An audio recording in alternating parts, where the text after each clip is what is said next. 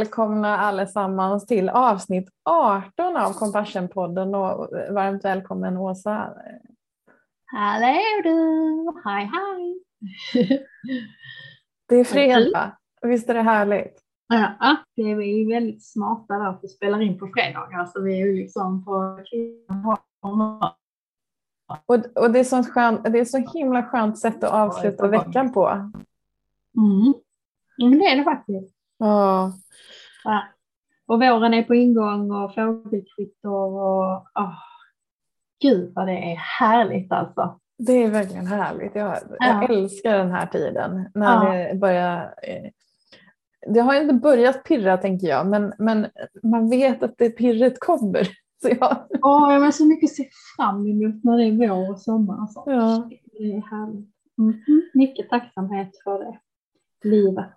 Mm. Vi, vi, vi ska ju prata nu om, förra gången pratade vi om eh, liksom relationsmodeller som man skapar när man är barn, anknytning och så. Och nu tänkte vi prata lite om föräldraskap och medkänsla. Um, wow, alltså att bli förälder är ju fantastiskt eh, och det mest underbara man är med om. Eh, på andra sidan eh, myntet så är det också den svåraste uppgiften upplever jag. Ja. Mm. Väl, väldigt, väldigt utmanande och, och där vi också kanske kan förnimma eh, att vi inte har eh, kanske sunda relationsmodeller att luta oss mot.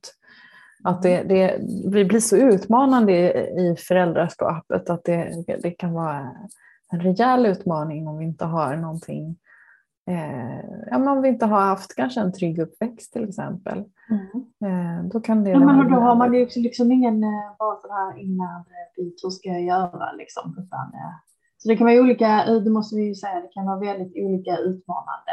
Mm.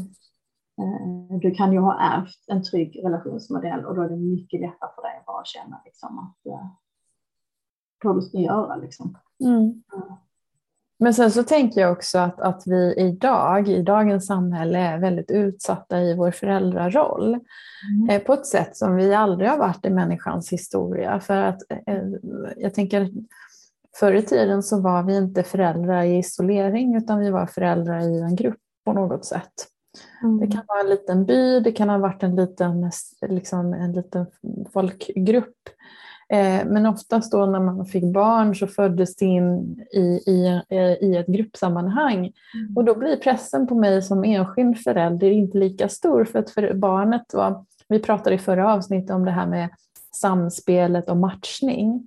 Men då, om inte jag kunde matcha upp med barnet så kunde liksom barnet knata iväg till någon annan och liksom, som den kunde identifiera sig med och skapa en god relation. Mm. Nu blir det så mycket mer press på föräldrar därför att vi ska klara allting själva och vi är oftast... Ja, vi är individualister och det har ett pris. Liksom. Precis, och ofta, alltså, oftast är det kanske max två föräldrar, ibland bara en som ska rodda med det här föräldraskapet. Så mm. det är en enorm press, tänker jag, på dagens föräldrar att klara av det här själva helt utan, ja, men helt utan någon att själv titta på. För när vi bodde i om säger mer, i mer tajta sociala gemenskaper kunde jag ju också som förälder titta på, aha, så där gör Anna för att relatera till mitt barn. Eh, eller det där var ett smart sätt att hantera den där konfliktsituationen. Mm. Och så har man ju någonting att liksom jämföra och rådgiva och ha hela den här gruppen eh, kollektiva liksom, som en styrka. Där tänker jag också att därför är det kanske, eh, om vi pratar självkänsla versus självkritik, eh, så, och, och det är något mm, Alltså jag tänker att vi har ett väldigt hårt samhälle på det liksom, sättet också kan vara väldigt dömande hur man ska vara i sin föräldrar. Alltså inte bara i föräldraskapet, men just i föräldraskapet kan jag tycka att det är väldigt hårt hur man ska vara. Um, det finns 3000 olika åsikter. Liksom. Alltså, ska vi göra och så ska vi göra och så. Uh, så, så, vi har ju, alltså många gånger har jag tänkt på det, liksom, att varför är så många människor så självkritiska? Och så jag tänker att det här är ju inte bara med det vi pratar om, alltså hur våra föräldrar var. Jag tänker att man kan ha en trygg relationsmodell men ändå bli utsatt och självkritisk för att vi har en sån kultur mm. som är så påverkad, eh, alltså som påverkar oss så starkt liksom att eh, vi hela tiden ska ha det där hot liksom att eh, Eh, så ska man ju inte göra, det där är inte bra nog och man ska vara så här och, och så är det 3000 liksom olika sätt som man ska vara. Och där vill jag bara säga liksom att man kan inte vara perfekt som förälder.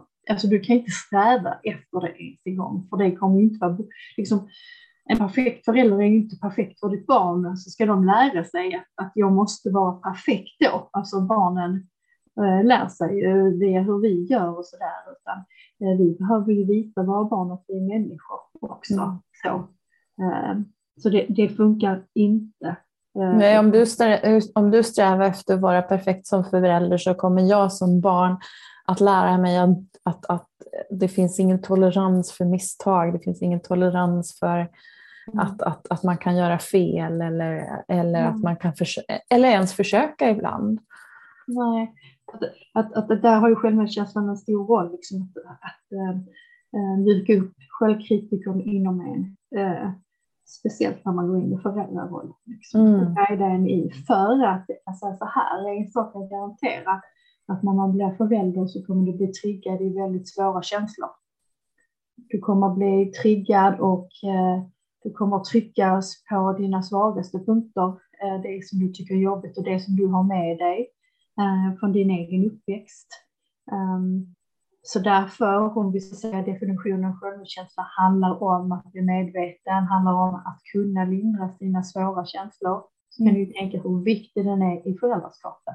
Mm. Att uh, kunna hålla i din oro, kunna hålla i skuld, skam, och så. Ett barn mm. är väldigt nära dig själv, liksom som en förlängning av dig själv. Mm. Deras beteende kan väcka väldigt starka skamkänslor i dig som får dig kanske agera på en massa konstiga sätt. Så, eh, så att kunna hålla i jobbiga känslor mm. är en jätteviktig grej som, som förälder. Träna sig över det. Ja, på något sätt också vara bekant med, med ibland pratar jag om det som sina skuggsidor då, för jag tänker att alla, alla föräldrar eh, kan egentligen identifiera sig med de här situationerna när man tappar det. Alltså, typ, alltså du vet, man, du är så, du är så pressad bortom, bortom allt, liksom. tidspress, trötthet och så vidare. Eh, och sen så kommer det där barnet och det vill ha någonting och du kanske exploderar eller vad det nu kan vara. Eh, och det här, det här allra sämsta av dig kommer fram. Mm. Och tyvärr är det ju så att i familjen så får man ju faktiskt se det allra sämsta av varandra. Mm. Eh, och i det kan man ju bli fullkomligt övermannad av skammen. Att, mm. Oj, det kan ju ligga väldigt långt ifrån hur jag vill vara som förälder också. När jag bara exploderar på mitt barn och jag ser hur barnet liksom får fullkomlig panik. Mm. Eh, men det händer. Mm, det händer. Sen tänker jag liksom att det man behöver ta tag i om det blir ett mönster. Man skrämmer sitt barn och så att det börjar liksom bli återkommande, det är något jag inte kan hantera. Då behöver man alltid ta hand om det liksom och säga att det här är upp till mig som förälder. För jag tänker så här att den dagen du blir förälder så skriver du på ett kontrakt. Kontraktet. Det är du som kommer ha huvudansvar för den här relationen. Det är inte ditt barn. Mm. Det är därför det är ett svårt uppdrag såklart. Men man behöver se det liksom och så. Och, och, och du är den vuxna. Mm. Och barn, kommer ett barn som inte kan hantera sina känslor och, och, och så. Så det, det, är, det är en viktig bit. Sen när barnet blir vuxet eh, och äldre så börjar ju den här relationen såklart bli mer ömsesidig. Så. Får kanske sluta med att det är de som tar hand om dig när du är gammal, men förhoppningsvis. Men eh, ja, du står här med och jag tänker mm. för mig är det i varje fall så att jag kommer alltid vara den som har huvudansvar för vår relation. Så. Mm. Så är det ju inte med andra relationer. Där är det en ömsesidighet som jag eftersträvar med vänner eller en kärleksrelation. Mm. Men eh, med barnet så är det ändå jag som är den som formar och liksom har huvudansvar. Men jag tänker det största problemet är ju inte att vi till exempel tappar det och att vi kanske inte lyckas så bra i vissa situationer. Utan det absolut viktigaste här och det som eh, är viktigast för att, att, att liksom bibehålla eller kanske till och med stärka relationen är hur vi reparerar när vi har tappat det. Ja, minns, om vi ska minnas en sak om detta avsnittet, minns reparation kan vara den viktigaste nyckeln till ett gott föräldraskap. Ja. Och jag tänker att det är ju en del av det här kontraktet som du beskriver Åsa, att, att, att jag har som förälder ansvar för det här. Så om det, det är okej att fela i föräldraskapet, det är faktiskt helt okej. Mm. Men när jag har felat och det, det blev knasigt, liksom, mm. då är det mitt ansvar att försöka reparera det med barnet. Att, att vi tillsammans förstår vad det var som hände. Att jag också har har den ödmjukheten i mig själv att säga, men du förlåt. Ja, mm. det där var ju inte vackert, liksom. det var inte min mening. Alltså jag förstår om du blir rädd eller ledsen. Det, alltså att jag tar ansvaret. Reparera. Det där blev fel. Jag är den vuxna. Jag tar ansvar. Det där blev helt fel. Uh, jag var jättetrött. Liksom. Det var inte ditt fel. Liksom, så. Vi försöker göra på ett annat sätt nästa gång. Alltså. Mm. Jag tänker lite som kommer ihåg från första, tror jag var första avsnittet där jag gjorde en övning med uh, hur uh, olika toner, alltså att vi skulle förklara liksom skillnaden mellan självkritik, självömkan och självmedkänsla. Alltså mm. min son misslyckades på en löptävling. Mm. Att uh, liksom se den här biten, liksom hur kan jag jag behöver inte vara orolig, rädd, liksom, det är fel och det är mitt fel och jag vet inte vad vi ska göra. Utan okej, okay, då blir det här liksom inte bra, jag hör dig, jag förstår att du är besviken på mig, ledsen eller så. Vi försöker göra något annat nästa gång, hur kan jag hjälpa dig och så. Mm. Men så, att, att, att liksom tänka på det, att mm. det är äh, den medkännande tonen, liksom, att kunna reparera i det. Och det är liksom nyckeln för att kommer göra saker som är fel. Och det, liksom, det är klart att du aldrig ska liksom göra ditt barn rädd eller att det ska finnas fysisk eller psykisk liksom, misshandel. Där. Det finns aldrig från pratan, det är inte det vi pratar om. Men jag menar när man tappar det när man är arg, så det är väl också bra för barn att se att man blir förbannad ibland. Jag menar annars kommer man komma ut i en verklighet, är skitstörig och gör saker om och om igen fast folk har sagt att de inte vill det, då kommer ju folk bli förbannade. Mm. Mm. Och får lära sig hantera det också. Oj, när jag gick gränsen tre gånger så blev min mamma skitarg liksom och, och visade det. Så att eh, eh då lär de sig hantera det med. Liksom. Folk reagerar så här om jag går över en gräns om och om igen. Liksom. Mm.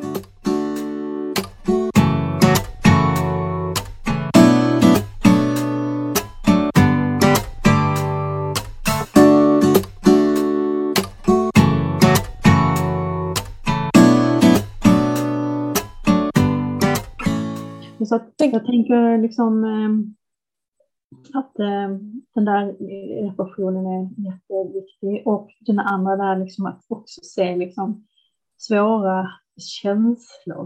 Eh, det kan vara så olika, för om vi pratar om avsnittet innan så är det ju, vi har ju med oss en relationsmodell och så får vi barn och då aktiveras den.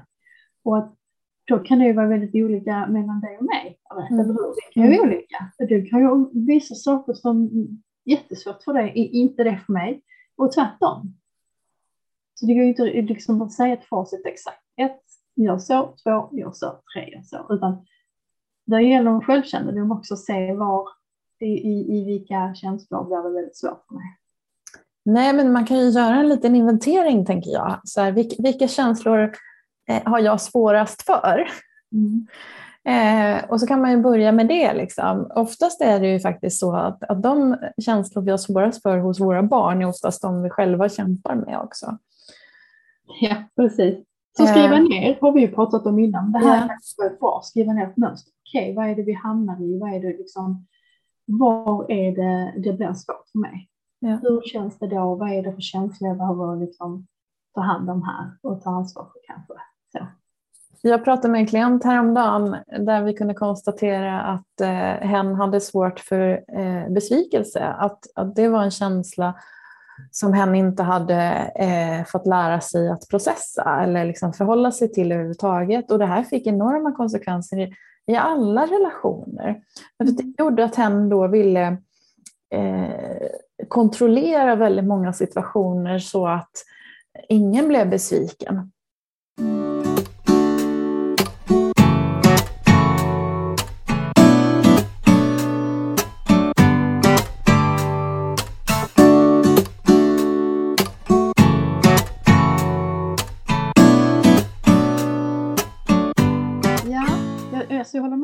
dig där, alltså otroligt eh, viktigt. Eh, och det här önskar jag att jag hade vetat. Nu är det ju 20 år sedan som jag blev förälder första gången och, och med erfarenhet så lär man sig att få insikter eh, i sig själv och vad är det för känslor som jag har svårast med i förhållande till mitt barn. Mm. Och just det här du nämner liksom att vara besviken eller att, att ha svårt för liksom att um, möta den oron eller att möta barnens känslor. Alltså att, jag kommer ihåg liksom hur jag kämpade med min första, liksom, om han var väldigt ledsen i skolan eller det var något som hade hänt, han kanske grät och var jätteledsen. Uh, hur svårt jag hade att bära de känslorna. Liksom. Att jag bara ville att de skulle försvinna från honom. Uh, det gjorde så ont inom mig.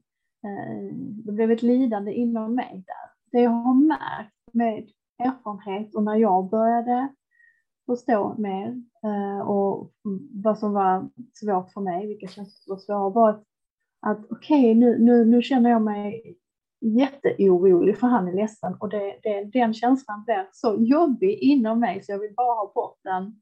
Bums liksom. Eh, men att träna mig att stanna kvar i den, att lära mig sådana för ja, man kan vara ledsen, det är okej, okay. jag finns här för dig, på. Um, att han fick höra mig validera hans känsla. Inte gjorde så mycket åt den i stunden utan att han fick känna min medkänsla. Att vi, han fick lov att ha den känslan och han fick lugna sig i den känslan. Och, och såklart sen efter den valideringen så kan, kan vi börja se vad kan vi göra åt det och sådär när han är redo för det. Så finns det något jag kan hjälpa mig med i det. Så att säga. Vet, eh. vet du varf, varför det var en, en, en, svår känsla det där med att han, din son var ledsen? Alltså varför det var svårt för mm. dig? Jag tror att det handlar om eh, lite för min egen barndom också, att jag har väldigt svårt för dålig stämning, alltså när människor mår dåligt omkring mig sådär. Eh, att jag vill liksom att folk ska må bra hela tiden och så. Och då, sen blev det ju också en stark extra trigger med mitt eget barn. Så. Mm. Mm jag tror kanske inte man behöver ha varit med om så jättemycket svåra saker egentligen i barndomen, utan man, man, man vill, alltså barnen är som en förlängning av, av en själv och, och man har hjärtat utanpå. Man vill absolut, ens uppgift är att de ska må bra. Så att mm när de lider då så är det så himla svårt att stanna kvar och validera och lugna och sådär i känslan, utan man vill bara ta bort det. Men där är ju risken faktiskt att man diskvalificerar dem. Diskvalificerar känslor. Du vet ju själv, liksom, om du berättar om ett problem för någon och om du är ledsen och de bara ja, men tänk inte så, känn inte så, nu gör vi det här istället och så. Då känner man sig som världens ensammaste ja. person. Och, och jag tänker också att det här är en så viktig uppgift som förälder faktiskt. Att, att, att lära dem det. Att vi kan stanna kvar i jobbiga känslor. Vi kan liksom stanna i medkänslan och lugnet i de svåra känslorna. Så vi behöver inte fly direkt. Jag tänker också att det kräver, alltså, ehm, det här är ju medkänsla egentligen, att, att kunna stå ut med jobbiga känslor. Eh, och jag tänker att det du beskriver där kring din son, att kunna stå ut med att han blev ledsen och känna liksom, vara med det. Man, vi behöver inte älska det, liksom, vi behöver inte tycka att det är gött, men att kunna stå ut med det. Och kanske också stå ut med vad det väcker i oss, men ibland också stå ut med eh, det vi har med oss i bagaget. Det, det kan ju mm. faktiskt vara att vi, vi, vi ja, men, eh, som min klient som jag beskrev där, att, att, att det kan vara väcka saker från, från tidigare upplevelser där vi har försökt hitta strategier för att hantera den här jobbiga känslan. Och så applicerar vi de strategierna också på vår omgivning. Att vi ja, blir så här alldeles till oss och försöker trösta eller eh, och in, då invalidera som du beskriver. Att vi då inte tillåter känslan heller. Det, det är det jag tycker är så himla svårt med föräldraskapet därför det är en resa i ens egen kännedom om sina känslor, sina egna mönster, vad man varit med om och det river också upp så som man varit med om mm. innan. Mm. Så därför så är ju, därför menar jag Alltså självmedkänslan där gör ju ett sånt otroligt jobb. Alltså om du börjar skapa den här förståelsen för dig själv. Vilka känslor är svåra för mig? Och vilka känslor är svåra för mig att se hos mina barn? Och om jag då kan lugna mig och stanna kvar i de känslorna så, så kan jag också välja hur jag ska agera mer i dem. Så, eh, så det är en jättestor roll i det, tänker jag. Men jag tänker också att det kan trigga enorma mängder skam. Mm. Jag vet i alla fall att jag eh, det finns ju saker som mina föräldrar har gjort som jag har tänkt att så ska jag absolut inte göra. Och sen så står jag där mitt i situationen och hör hur jag låter precis som min mamma. Mm. Och den skam som kommer över mig i den stunden är ju enorm. Mm. Det, det, är så, liksom, det är så djupt rotat i mig, så där skulle jag inte göra och så vill jag inte vara och det där vill jag inte föra vidare. Och sen så kommer det sådär jätteautomatiskt ändå. Mm. Eh, för att situationen också triggar, eh, men det triggar igång en massa känslominnen. Från när jag var i en liknande situation och så vidare. Och där agerar man ibland per automatik på impuls. Det är därför jag tänker att det är så viktigt att börja det här reflektionsarbetet också kring eh, hur, alltså var, varför, varför är vissa känslor jobbigare än andra? Vad har jag använt, eh, utvecklat för strategier för att mm. hantera de känslorna? Hur kommer det sig till uttryck i, i relation till mina barn till exempel? Eller mm. i relation till andra? Ja, så tänker jag egentligen, du vet när man har sån här föräldrautbildning så pratar man väldigt mycket om hur det så här kommer det vara, förlossning kommer se ut så här, det är viktigt att man tänker på detta, sen är det amningen och så här kan det se ut och sömnen och barnets olika faser och så. Och egentligen så borde man liksom bara ha det är jättebra, man borde också ha så här, okej, okay, nu alla mina föräldrar ska vi ha känsloskola. Ja. För att våra barn är den största exponeringen för känsloreglering du någonsin kommer att stå liksom, kommer få eh, utsättas för. Eh, så eh, nej, man borde egentligen ha det och bara mm. liksom eh, tänt av det bara. Okej, okay, vilka är dina svåraste känslor? Hur reagerar? Vad är dina beteenden? Vad har du för mönster med dig? Vilka liksom känslor flyr du ifrån? Och så. Eh, och barnen kan ju verkligen trigga de här, alla de här känslorna som jag kanske har varit, lyckats hålla från mig ganska bra. Mm. Eh, eller fula, fula sidor hos mig själv, fula inom situationstecken, eh, som jag lyckas hålla ifrån mig själv och så kommer det ett litet barn där och den lyckas liksom trycka på alla knapparna, trigga alltihop på en gång och så känner jag mig sådär usel. Ja, så skam är en vanlig känsla därför att barnet är väldigt nära. Det är en del av det, en förlängning av det. Så är du redan självkritisk så kommer det också komma upp mycket självkritik kring kanske hur barnet beter sig och då är det mitt fel och alltså så här. Så att mm. där är självmedkänslan en jätteviktig roll. Eh, oro, alltså ilska, frustration, stress är också en stor grej som man behöver ta tag i, tänker jag, i föräldraskapet. Svårt att vara för bra förälder när man är stressad konstant. Liksom. Mm. Eh, för att stress gör ju att man inte kommer i kontakt med det där, vad är det jag känner nu? Eller sådär. Det är en jätteviktig poäng också, att den här mm. stressen gör ju att äh, där slår vi med per automatik av väldigt mycket känslor också. Mm. Eh, och, och vill helst inte slå på dem igen. Så vi kan ha en massa strategier kring hur vi ska stanna, stanna kvar i det här avstängda läget. Till exempel med, med hjälp av mobiltelefoner och så vidare. Så att vi inte vill känna och då vill vi inte heller att någon annan ska känna. Då blir det jobbat, jobbigt. Jag orkar, inte, jag orkar inte hantera det, jag orkar inte ta det, jag vill inte. Mm. Och då stannar vi kvar i det här avstängda läget istället. Ja, alltså ibland kan det vara viktigt att känna det här, jag känner mig som nu som förälder, det, har, liksom, det funkar inte i relationen med mina barn, så det kan man kanske ta ett steg tillbaka, är jag stressad? Alltså hur mår jag själv? Mm tar jag hand om min egen mentala hälsa. Och det är en otroligt viktig roll i föräldraskapet att ta hand om sig själv liksom, i sin mentala hälsa och så. Ehm, Men jag att, tänker eh, också med lite större barn, eller kanske kan vi små barn också, att vi inte, alltså vi är så stressade eller trötta att vi inte orkar tackla deras känslor heller. Mm. Så att vi vill, vill hellre liksom eh, jag är nog inte ensam om att vara en förälder som har stuckit en mobiltelefon i handen på ett barn som kanske har väldigt mycket känslor som jag inte orkar med just då.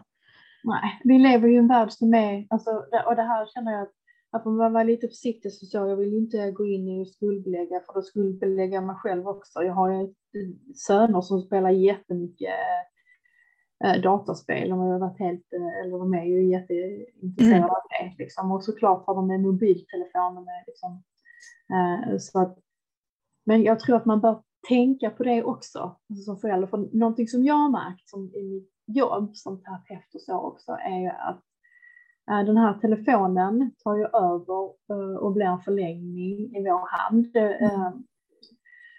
Äh, hos alla, både föräldrar och inte föräldrar och barn och allt möjligt och så. Och jag tror att om vi pratar det här med närmare och förstå och, och vara medveten om våra känslor, de här insikterna och så, Eh, så är telefonen en stor bov i detta. Att mm. om man, dels blir det att vi faktiskt inte tränar oss på att vara i jobbiga känslor för att den hela tiden distraherar oss. Så den blir som ett undvikande av jobbiga känslor. Och det bör man tänka på också, att om jag har väldigt svårt för att lägga fram med telefonen, om jag har väldigt svårt för att bara sitta rakt upp och ner i tystnad och jag får oro och ångest då, wow, alltså då behöver jag liksom fundera lite här.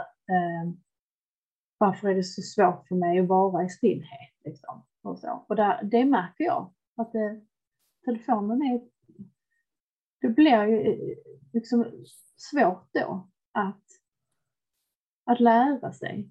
Mm. Gå ut med sina känslor eftersom den är där hela tiden och bara distraherar, stimulerar dig, tar dig bort från vad som pågår inuti dig. Uppkopplad men inte inkopplad. Liksom. Och det tänker jag eh, många föräldrar eh, gör för att till exempel att de inte vill hantera att barnet kanske är ledset eller blir mm. besviket. Mm. Ja. Då kanske man ger dem, ja men du, du får spela det här spelet eller du får kolla på Youtube eller, mm. eller att man kanske ger dem någonting gott. Så att jag tänker det ja. behöver inte bara vara en telefon. Men att vi istället för att tillåta dem att få känna Mm. hela spektrat av besvikelse eller ledsenhet tills det får lugna ner sig, tills det får ebba ut. Eh, så, så ska vi in där och, och ge någon, något, någonting som egentligen tar fokus ifrån känslan. Mm. Det det jag tänker i sin förlängning, det, blir, det gör ju att vi lär oss att känslan inte ska kännas utan den ska, den ska tas bort. Mm. Och då blir jag också ganska rädd för min känsla. För jag vet inte hur den funkar och framförallt så får jag inte någon tillit till att om jag bara får liksom gråta ut eller om jag bara får vara besviken en liten stund så kommer det att bli bra. Mm. Så det är mycket det är tillit liksom till sig själv är att man kan hantera svåra känslor. Om man börjar märka det, att jag flyr inte, jag är nyfiket tittar, jag tränar mig om och om igen och stå ut med den här känslan med hjälp av självmedkänslan då. Alltså jag pratar till mig själv när det är jobbigt eller jag tar hand om den känslan, lugnar mig själv och så. Eh, så det är ju träningssaker, men det är ju fantastiskt när man märker att nu känner jag oro, men jag lugnar mig ganska snabbt och den styr inte mig längre, den känslan lite så. Mm. Så att, ja, det här är svårt, och som sagt, vem lär oss, alltså det är ju olika hur vi har lärt oss och vi lär oss inte det i skolan. Så, och vi får inte lära oss det på föräldrautbildningen och så. Vi borde göra det. Det hade mm. hjälpt jättemycket med den mentala hälsan i samhället tror jag. Liksom. Mm. Mm. Men jag tänker om, om det är så att man är lite nyfiken på det här och faktiskt skulle vilja ge sig in och, liksom utforska det här lite mer så, så skulle man kunna göra en liten så, eh, reflektionsövning Ehm, där Eh, man, om vi tar någon lista med känslor, det finns hur många som helst på internet, så man kan bara googla liksom, eh, lista på känslor. Eh, och titta på den och bara försöka identifiera vilka av de här känslorna känner jag känns sköna eller trevliga att känna. Vilka är det som jag känner att jag antingen inte känner igen och tänker att jag aldrig känner eller, eller om det är några som jag bara, nej de är inte okej att känna. Och det här kan vara så himla olika för olika personer. Men att, att bara kryssa för lite i en sån här lista. Vil, vilka är det som jag har lite svårt för? Eh, och sen göra samma sak med mitt barn. Vilka känslor hos mitt barn har jag särskilt svårt för? Och vilka känslor har jag, vill jag helst att mitt barn ska ha? Då får vi en liten så här uppställning på vad det här kan handla om. Mm. Um, och jag tänker att man sen också skulle kunna fundera över vad skulle hända om jag tillät den här känslan hos mitt barn? Mm. Om jag bara nu lät den här känslan få finnas och jag är tillsammans med mitt barn i det. Vi behöver inte göra en massa, bara vara bredvid är att göra väldigt mycket. Vad, vad, tror jag skulle hända då? Och så bara lägga märke till om det dyker upp något så här, någon inre protest eller motstånd i det. Att, Nej, det är omöjligt, det går absolut inte. Och bara lägga märke till det också. Och vara lite nyfiken på det och fundera lite. Men, hur kommer det sig att jag har så svårt för just den här känslan? Mm. Utifrån det jag kan om mig själv, utifrån det jag vet om mig själv och min bakgrund, ger det mening att jag har svårt för just den här känslan? Mm. Och där kan man ju ta in det medkännande då, aha, jag förstår mig själv, att det är inte så konstigt att den här känslan är svår för mig. Och, så. och sen ett jättebra första steg, det du beskriver där, för då börjar man, så funkar vår hjärna också när vi börjar liksom bli medvetna om saker så flyttar det ju fram, längre fram på hjärnkontoret så att när det händer nästa gång så bara, mm, nu kom den känslan. Just det, det är den jag har svårt för. Då känns det så här. Kan jag börja träna mig stå kvar i det lite? Jag tänker också så här, vilken gåva man ger sitt barn om man börjar liksom bli mer tålig i sina känslor. Så för tänk ett barn mm. som känner så här, min mamma, jag kan gå till henne och vara jätteledsen. Hon klarar det. Eller jättearg. Eller jättearg eller och, hon, hon klarar det. Mm. Det är ju en fantastisk gåva liksom för att känna, eller hur? Ja, och det ger ju barnet en, en, en idé om att den här, den här känslan är, är möjlig att hantera. Ja, precis. Den här känslan kan man stå ut med utan att gå under. Mm. För menar, man kan ju vara världens bästa förälder men man kan känna så här liksom att om jag går till min förälder och berättar någonting så kommer hon bli så orolig och inte kunna hantera detta så det går inte att jag berättar det. Mm. man liksom, jag, då kommer jag vara, vara orolig för henne också. Mm. Och då blir man ju ensam. Då, då, då kan man ju liksom ha världens bästa relationer. Man vet att ens, ens förälder älskar en över allt annat och så, men man vet att där, där har man inte riktigt tillit. Alltså där, det där kan jag inte göra. Mm. Och, då, och då blir du ju ensam i det och du får själv liksom ta hand om din oro och så. Mm. Um, så att du kan ju vara världens bästa förälder och bara det att du kanske inte har uh, tränat dig på vissa känslor. Liksom. Mm. Det blir ju olidligt när dina barn mår dåligt och det märker dina barn. Så att, uh, så ibland kan det vara bra att samtala om med sina barn och säga liksom att ja, jag blir jätteledsen när du är ledsen, men du, jag kan ta det. Jag kan ta det. Kom till mig om du mår dåligt. Gör det. Jag finns här. Absolut att jag kommer att bli orolig om du är orolig, men jag kan hantera det. Liksom. Ja. Och jag tänker lite det vi var inne på tidigare kring reparation också. Att, ja, men visst kan det hända att vi inte lyckas hantera en känsla särskilt bra, men när jag har kommit på det så kan jag faktiskt gå tillbaka till barnet och säga det. Eller om det är vissa känslor som jag har lite svårt för. Jag kanske har ett hetsigt humör. Eh, att faktiskt liksom också säga det till barnet. Du, jag har lite svårt med att kontrollera min, eh, min, min ilska eller liksom mitt temperament. Eh, jag är hemskt ledsen för det. Jag, jag jobbar på fallet. Liksom. Tack för ditt tålamod. Mm, Så att vi, vi föräldrar också får vara Ja, också vara operfekta. Man ser att liksom, oh, hon också har sina grejer hon jobbar med, eh, men hon försöker och, och sådär. Hon reparerar med mig. Och sen så kan jag inte lägga skulden på mig själv, vilket många barn kan göra. Man lägger skuld på sig själv. Mm. Det är inte bra. Ja, så jag säger det liksom också att um, det finns ju olika liksom, uh, svårigheter. Det finns ju barn med, med, med diagnoser och så. Alltså,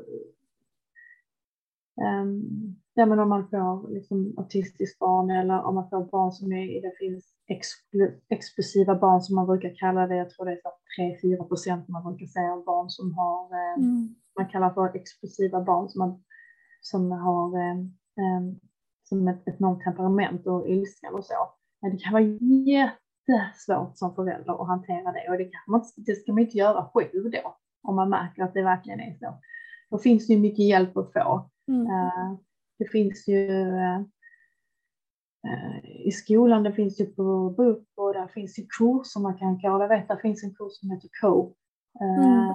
som är KBT-baserad för föräldrar. Egentligen borde alla gå den. Alltså, mm. Du ska inte bara gå när man känner att man har problem. Den är ju skitbra att bara gå liksom. Och mm. just att skapa insikter och vad som funkar och vad som inte funkar. Och så. Det finns massor med poddar som psykologer och så. Det är ju tillgängligt liksom. Och vad heter den där boken som vi har pratat om innan Åsa? Den här fem gång, heter den Fem gånger mer kärlek? Ja, eller? den älskar jag. Det är, han brukar vara på TV4, Martin Forster. Fem ja. gånger mer kärlek. Alltså jag kan säga det, den har jag läst flera, flera gånger och uh, strök under och sa det här har jag svårt med, det här ska jag träna. Alltså den är väldigt KBT på det sättet som jag älskar. För jag tycker om att göra terapi.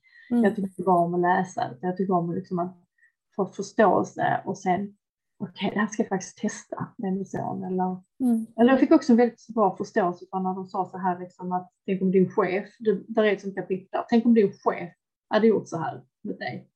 Ja, jag blev skitförbannad, liksom, att man alltså, fick den här förståelsen, tänk om din chef som hade eh, skammat dig i affären mitt framför alla andra. Liksom. Ja. Eh, det hade inte varit poppis kan jag säga dig, från min sida. Alltså att förstå den så, att det är inte annorlunda för barn. Det är också otroligt skamfyllt att bli skammad med inför andra. Liksom. Ja. Ja, jag tycker den är jättebra. Han är också med i, i några av de här poddarna, Barnpsykologerna finns det någon som heter, BVC-podden finns det något som heter. Ja. Och då bjuder de in gäster så då kan man kolla där i olika teman och sådär. Uh, vad de har. Så att man ska, där finns ju så mycket tillgängligt idag också. Mm. Uh, föräldraskapet. Uh, ja. Så det ja. är väl mm. uh, det, det, börjar bli dags att ta, ta helg, eller hur? Ja, precis. Det är fredag idag igen. jag tänker att nästa... Vi har ju tema på det här, så nästa gång kommer vi prata om alltså när vi är vuxna och vuxna relationer, kärleksrelationer. Vi kommer mm. också snudda lite på hur det är att ha en förälder.